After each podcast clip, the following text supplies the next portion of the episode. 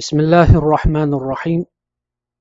الحمد لله رب العالمين والصلاة والسلام على سيدنا محمد وعلى آله وصحبه أجمعين.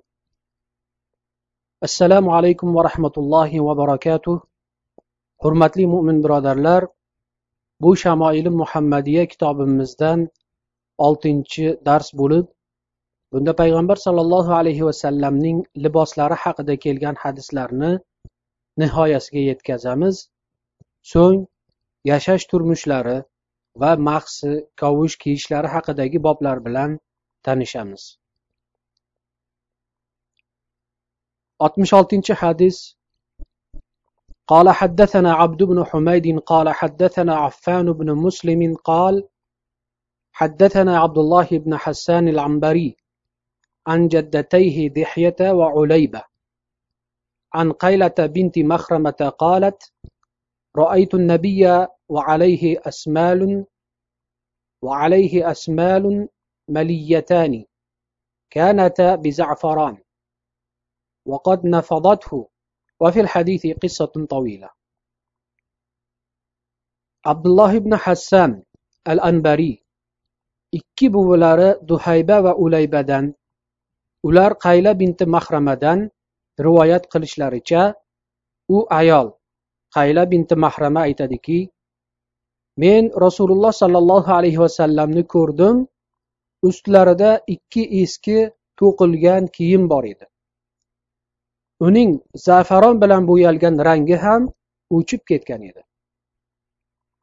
Muhaddislar hadisning sahihligida ixtilof qilib birlari hadis sahih desalar aksariyat ulamolar ko'pchilik ulamolar hadisning zaifligini ta'kidlaydilar oltmish yettinchi hadis قال حدثنا قتيبة بن سعيد قال حدثنا بشر بن المفضل عن عبد الله بن عثمان بن خثيم عن سعيد بن جبير عن ابن عباس رضي الله عنهما قال قال رسول الله صلى الله عليه وسلم عليكم بالبياض من الثياب ليلبسها أحياؤكم وكفنوا فيها موتاكم فإنها من خيار ثيابكم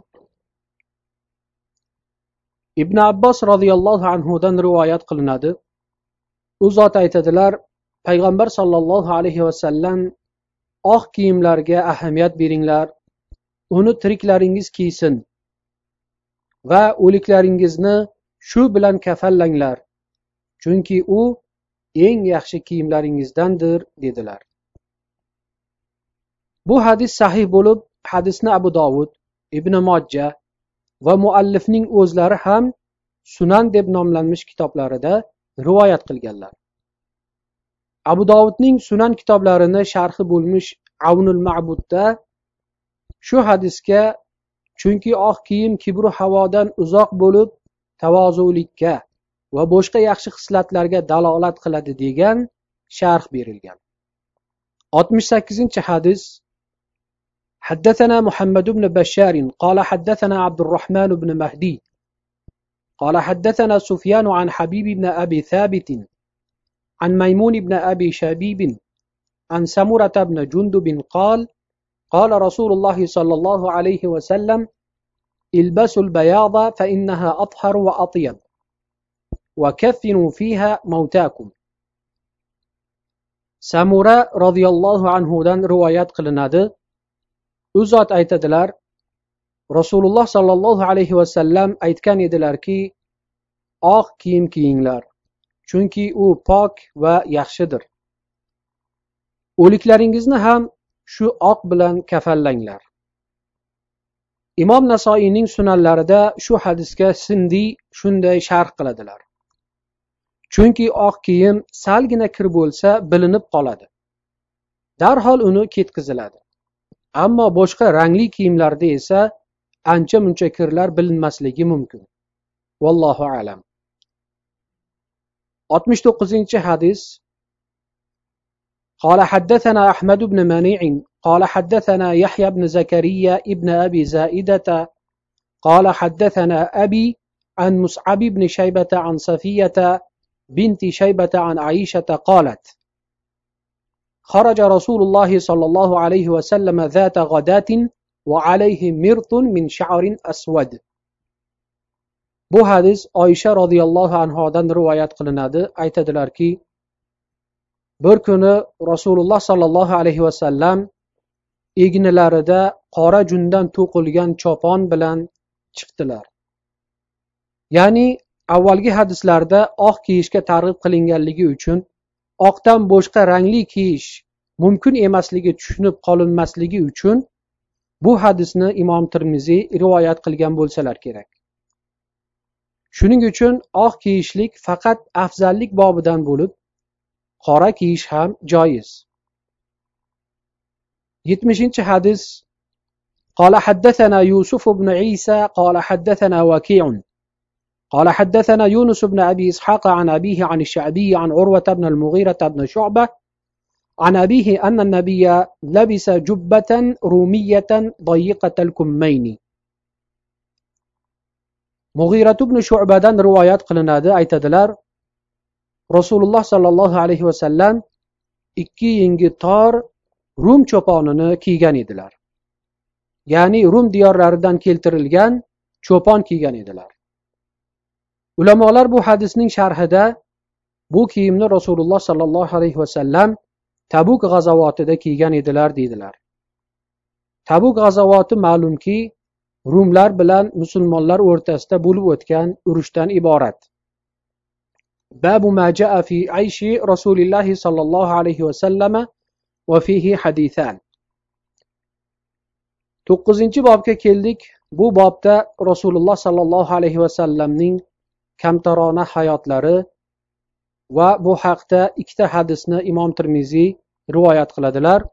Yetmish birinchi hadis قال حدثنا قتيبة بن سعيد قال حدثنا حماد بن زياد عن أيوب عن محمد بن سيرين قال كنا عند أبي هريرة وعليه ثوبان ممشقان من كتان فتمخط في أحدهما فقال بخ بخ يتمخط أبو هريرة في الكتان لقد رأيتني وإني لأخر فيما بين منبر رسول الله صلى الله عليه وسلم وحجرة عائشة رضي الله عنها مغشيا علي.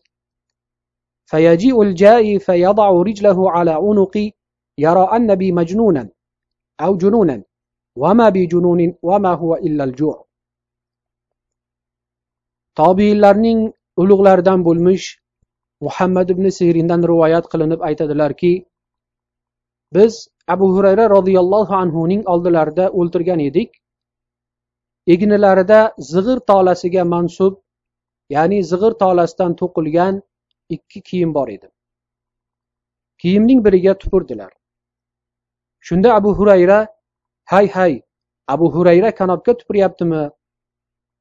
deb meni boshimdan shunday holatlar kechganki rasululloh sollallohu alayhi vasallamning minbarlari bilan oysha roziyallohu anhuning hujralari o'rtasida hushimdan ketib qolardim. Birov kelib meni jinni deb o'ylab bo'ynimga oyog'ini qo'yardi. Vaholanki men jinni emas edim. Buning sababi ochlikdan o'zga narsa emas edi. Abu hurayra roziyallohu anhu odob va hurmat yuzasidan odamlar oldida tupurmay kiyimlariga tupurib uni ishqab yuborgan edilar. keyin turmush hayotlari ochlik va nochorlikdan to'qligu boylikka farovon hayotga shunchalik tez qisqa muddat ichida o'zgarib ketganiga hayron bo'lib abu hurayra kattonga tupuryaptimi dedilar yetmish ikkinchi hadis قال حدثنا قتيبة قال حدثنا جعفر بن سليمان الضبعي عن مالك بن دينار قال ما شبع رسول الله صلى الله عليه وسلم من خبز قط ولا لحم إلا على ضفف. قال مالك سألت رجلا من أهل البادية ما الضفف؟ فقال أن يتناول مع الناس. مالك ibn dinardan rivoyat qilinadi u zot aytadilarki rasululloh sollallohu alayhi vasallam non va go'shtdan to'yib ovqatlangan emaslar faqat zafaf bilan ovqatlanib to'yar edilar. Molik sahroda yashaydigan bir odamdan zafaf nima deb so'rasam u mehmonlar deb javob qildi deydilar. Chunki cho'lda yashaydigan arablar arab tilini buzmay saqlab qolgan edilar. Bu hadisda rasululloh sollallohu alayhi vasallamning hayotlaridan bir shingil keltirildi xolos. Albatta u zot boshqa sahih hadislarda kelishicha uch kun yoki ikki kun ketma ket bug'doy yoki arpa nonini yemagan edilar. Uylaridan bir oy ikki oygacha ham tutun chiqmas edi. Oysha onamizdan taomlaringiz nima edi deb so'rashganda xurmo va suv deb javob qilar edilar. Babu ma jaa fi xufi rasulillahi sollallohu alayhi vasallam va fihi hadisan o'ninchi bob rasululloh sollallohu alayhi vasallamning mahsi kiyganliklari haqidagi hadislar bo'lib imom termiziy bunda ikkita hadisni rivoyat qiladilar yetmish uchinchi hadis قال حدثنا هناد بن السري قال حدثنا وكيع عن دلهم بن أو عن دلهم بن صالح عن حجير بن عبد الله عن ابن بريدة عن أبيه أن النجاشي أهدى للنبي صلى الله عليه وسلم خفين أسودين ساذجين فلبسهما ثم توضأ ومسح عليهما ibn burayda otalaridan rivoyat qilib aytadilarki najoshiy payg'ambar sollallohu alayhi vasallamga qop qora va boshqa rang aralashtirilmagan bir juft mahsa hadya etdi rasululloh sollallohu alayhi vasallam uni kiyib so'ng unga mast tortdilar. Bu najoshiy habashiston hukumatining podshosi edi. O'z ismi ashama bo'lib najoshiy esa habash podsholarining laqabidir.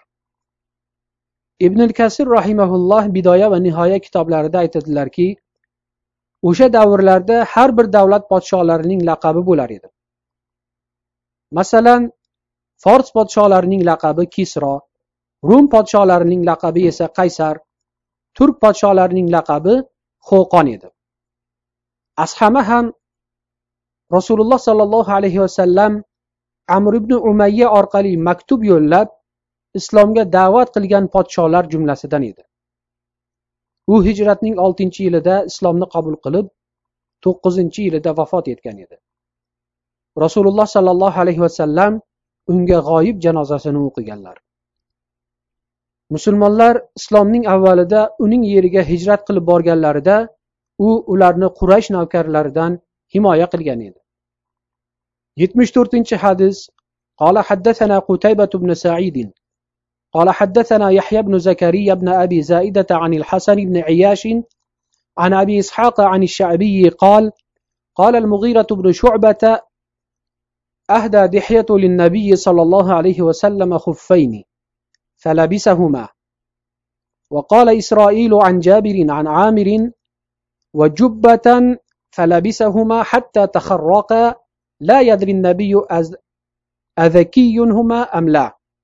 قال أبو عيسى وأبو إسحاق هذا هو أبو إسحاق الشيباني واسمه سليمان. مغيرة بن شعبdan rivoyat qilinadigan bu hadisda aytadilarki dihya ya'ni dihyatul kalbiy ismli kishi. Jabroil alayhissalom ham goho uning shakliga kirib keladigan chiroyli yuzlik sahoba rasululloh sollallohu alayhi vasallamga bir juft mahsi hadya qiladilar. Rivoyatda isroil jobirdan u esa omirdan aytishicha bitta to'n ham hadya qilgan ekan. Rasululloh sollallohu alayhi vasallam bu mahsini eskirib ketgungacha kiydilar. Payg'ambar sollallohu alayhi vasallam bu mahsi shariatga muvofiq so'yilgan hayvonning terisidan bo'lganmi yo yo'qmi buni bilmas edilar. Ya'ni bu hadisdan olingan istifodalardan mana bunday hollarda surishtirish lozim emasligi kelib chiqyapti. To nopokligi bilingungacha. Xuddi shu masalaning o'xshashlaridan kishi birovnikida mehmon bo'lsa oldiga qo'yilgan taomni shariatga muvofiq so'yilgan go'shtmi yo yo'qmi deb mezbondan so'ramaydi. Va birov hadya qilsa ham uni surishtirmaslik kerak. Chunki musulmon kishi musulmon birodariga yomon gumon qilmaydi. Bundan tashqari o'lik hayvonning terisidan foydalanish joiz. Agar uning terisi oshlangan bo'lsa. باب ما جاء في نعل رسول الله صلى الله عليه وسلم وفيه اثنا عشر حديثا o'n birinchi bobga keldik bu bob payg'ambar sollallohu alayhi vasallamning kavushlari haqida bo'lib bunda imom termiziy o'n ikkita hadisni rivoyat qiladilar yetmish beshinchi hadis قال حدثنا محمد بن بشار قال حدثنا أبو داود الطيالسي قال حدثنا همام عن قتادة قال قلت لأنس بن مالك كيف كان نعل رسول الله صلى الله عليه وسلم قال لهما قبالان qatoda rahimaullohdan rivoyat qilinadi u zot aytadilarki anas roziyallohu anhudan rasululloh sollallohu alayhi vasallamning kavushlari qanday edi deb so'rasam u zot aytdilarki payg'ambar sollallohu alayhi vasallamning kavushlarini ikki bog'lag'ich ipi bor edi. Ya'ni ba'zi sharhlovchilarning so'zlariga qaraganda ikki barmoq orasidan bo'ylash uchun o'tkaziladigan ipi ikkita bo'lgan. Biri bosh katta barmoq bilan keyingi barmoq o'rtasidan o'tgan bo'lsa ikkinchisi undan keyingi barmoq bilan navbatdagi barmoq o'rtasidan o'tgan ekan.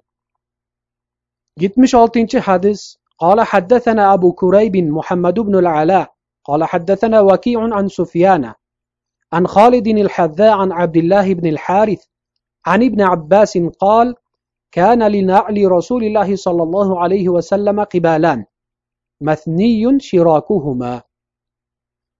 ibn abbos roziyallohu anhudan rivoyat qilinib aytadilarki payg'ambar sollallohu alayhi vasallamning kavushlarini bog'lag'ich ipi ikkita edi yetmish yettinchi hadis قال حدثنا أحمد بن منيع ويعقوب بن إبراهيم.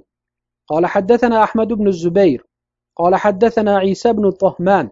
قال أخرج إلينا أنس بن مالك نعلين جردوين. لهما قبالان. قال فحدثني ثابت بعد عن أنس أنهما كانتا نعلي رسول الله صلى الله عليه وسلم. iso ibn tahmondan rivoyat qilinadi. U zot aytadilarki anas ibn molik bizga ikki tuksiz kavushni olib chiqdilar.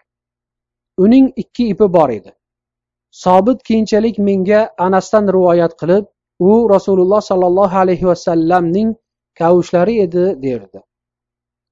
Bu hadisda anas roziyallohu anhu rasululloh sollallohu alayhi vasallamning barakotlariga haris bo'lib u zotning kavushlarini asrab yurganliklari va tobiinlarning ham mana bunday barakotlarga qiziqishlarini bilib olyapmiz bu narsalar bizlar uchun payg'ambar sollallohu alayhi vasallamga har narsada ergashishimiz uchun dars bo'lmoqligi kerak yetmish sakkizinchi hadis قال حدثنا إسحاق بن موسى الأنصاري قال حدثنا معن قال حدثنا مالك قال حدثنا سعيد بن أبي سعيد المقبوري عن عبيد بن جريج أو عن عبيد بن جريج أنه قال لي ابن عمر رأيتك تلبس النعال السبتية.